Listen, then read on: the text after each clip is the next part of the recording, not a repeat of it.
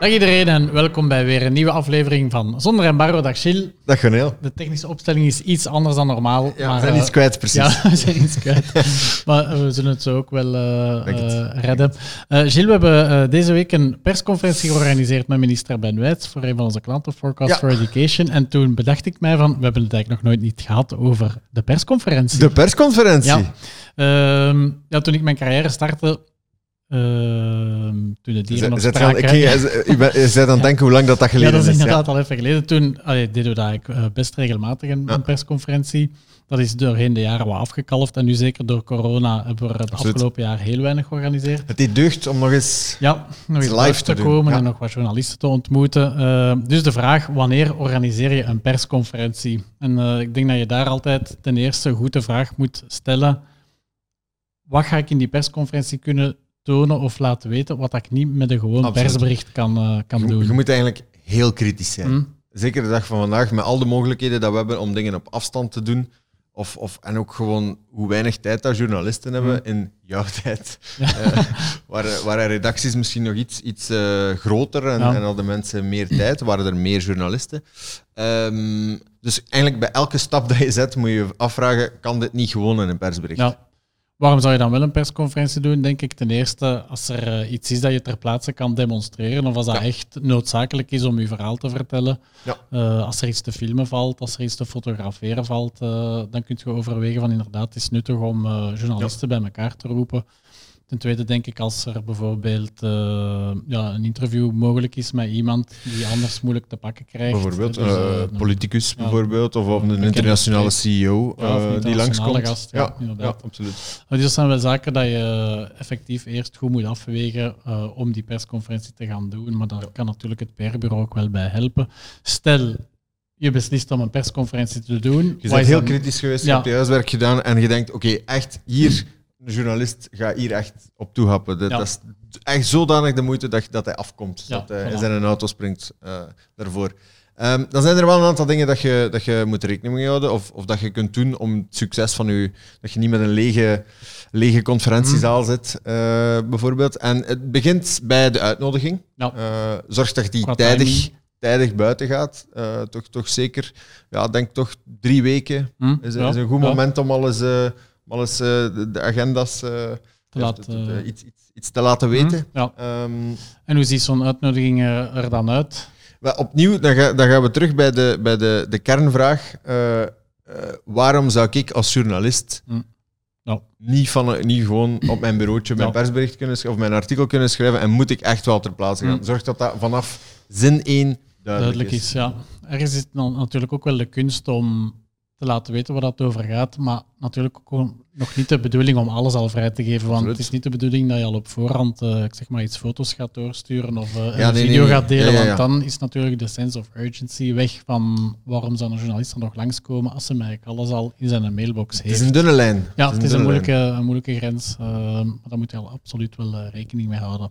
Stel, de uitnodiging is verstuurd, je vraagt in de uitnodiging ook altijd aan journalisten van bevestig, ja. ons weten dat je, Ja, dat dat je, je, gaat. een beetje weet en, en, en allee, de- hoeveel man dat eraf komt. Want, kleine tip, kleine zijtip, bijvoorbeeld een broodje serveren kan al eens helpen om de journalist net over, over Ja. de, de lijn te trekken. Ja, eh. ja. En dan moet je weten hoeveel dat eraf komt natuurlijk. Ja, en ook voor de klant is dat natuurlijk wel fijn om te weten dat er eh, bij van spreken twee mensen zullen aanwezig zijn, wat dan niet per se negatief hoeft te zijn. Als dat de juiste eh, mensen zijn, 20 zullen ja, zijn, ja. als dat de juiste, één journalist kan, kan het verschil maken hè, met een goed artikel. Maar allee, als je een, een CEO laat overvliegen van Australië, Ja, mag, mag het iets meer zijn?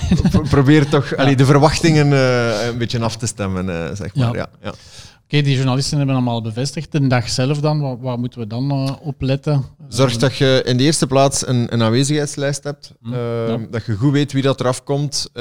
Zorg dat je snel die mensen kunt contacteren. Als er, als ze, en Ja, zorg dat zij ook jouw nummer hebben. hm, Dat ze, als ze last minute, eh, ja, als er belet is of als, er, eh, een nieuwe, of als de regering valt, dan gaan die Hm. waarschijnlijk niet afkomen. Want dan kunnen die dat misschien wel even laten weten. Ja, sowieso gsm-nummers voorzien is altijd wel handig.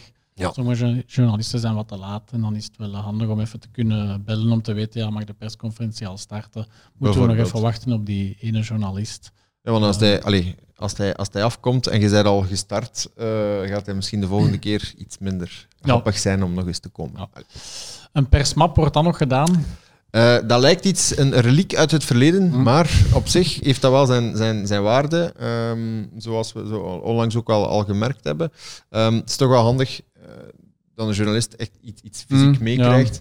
Ja. Een, een, extra tip is allee, dat je uh, ja, journalisten schrijven zelden nog een artikel uh, manueel of met, of met de hand. Zorg dat er bijvoorbeeld een QR-code in je persmap mm. staat, dat hij ook het artikel digitaal krijgt. Met een link naar foto's, met extra, ja. extra materiaal. Ik was er een tijdje geleden eerlijk gezegd, dacht ik van, wat persmap, we doen dan meer. We werken hm. met Presley, uh, de journalisten dat daar zijn van zodra de persconferentie is afgelopen, zit dat toch in hun mailbox. Ja. ik heb toch wel gemerkt uh, de laatste, laatste keren dat journalisten dat toch nog wel te achtervragen van heb je nog een persbericht, gewoon omdat ze iets kunnen meenemen. Of eventueel als ze ter plaatse uh, hun computer alle openslaan, als Gebeurt, ze uh, iets naast hun hebben, dat ze zo snel de, de grote lijnen kunnen zien van het nieuws. dat helpt toch wel en dat maakt het voor hen nog een stuk makkelijker. Ja. Dus alleszins zorgen we toch uh, voor een, een, afgeprint persbericht, uh, zo bio's van de sprekers en dergelijke. Dat kan allemaal achteraf nog wel in het uh, digitale dossier.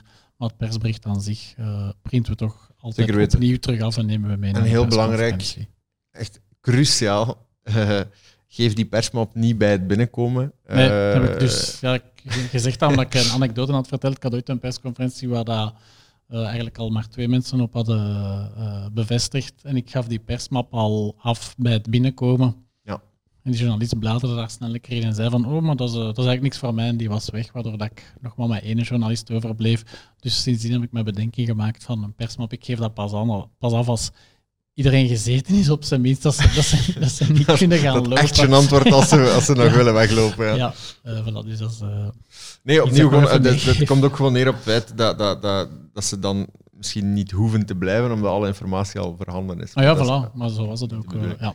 Uh, gaan we dan op, laatste, om af te ronden, nog iets, nog iets doen na de persconferentie? Misschien nog één ding snel over fotografie. Allee, de laatste, laatste persconferenties dat wij gedaan hebben, hebben we zelf ook altijd een fotograaf ingehuurd uh, voor de klant. Ook omdat de, de, CEO van de klant bijvoorbeeld aanwezig was, dan is het wel fijn dat je ter plaatse in een, in een setting dat je niet zo vaak eigenlijk uh, kan creëren, om daar nog eens wat goede foto's met ja. die CEO en met management te nemen. En als we dan het persbericht uitsturen, wat dat altijd gebeurt, onmiddellijk na het aflopen van de persconferentie, mhm. De journalisten dan niet aanwezig konden zijn, krijgen dan ook professionele foto's in de mailbox. Want ja, je kunt altijd wel wat, zelf wat foto's voorzien met je gsm. Of wat uh, foto's nemen. Wel een extra toegevoegde waarde. Dat is wel een verschil uh, als dat door een professionele fotograaf is genomen. Dus het is handig voor de klant zelf en handig voor de journalisten die er niet waren. Mooi. Ik denk ja. uh, persconferenties anno 2021 met corona en al ze hebben nog steeds hun plaats, maar onder strikte voorwaarden. Mooie samenvatting.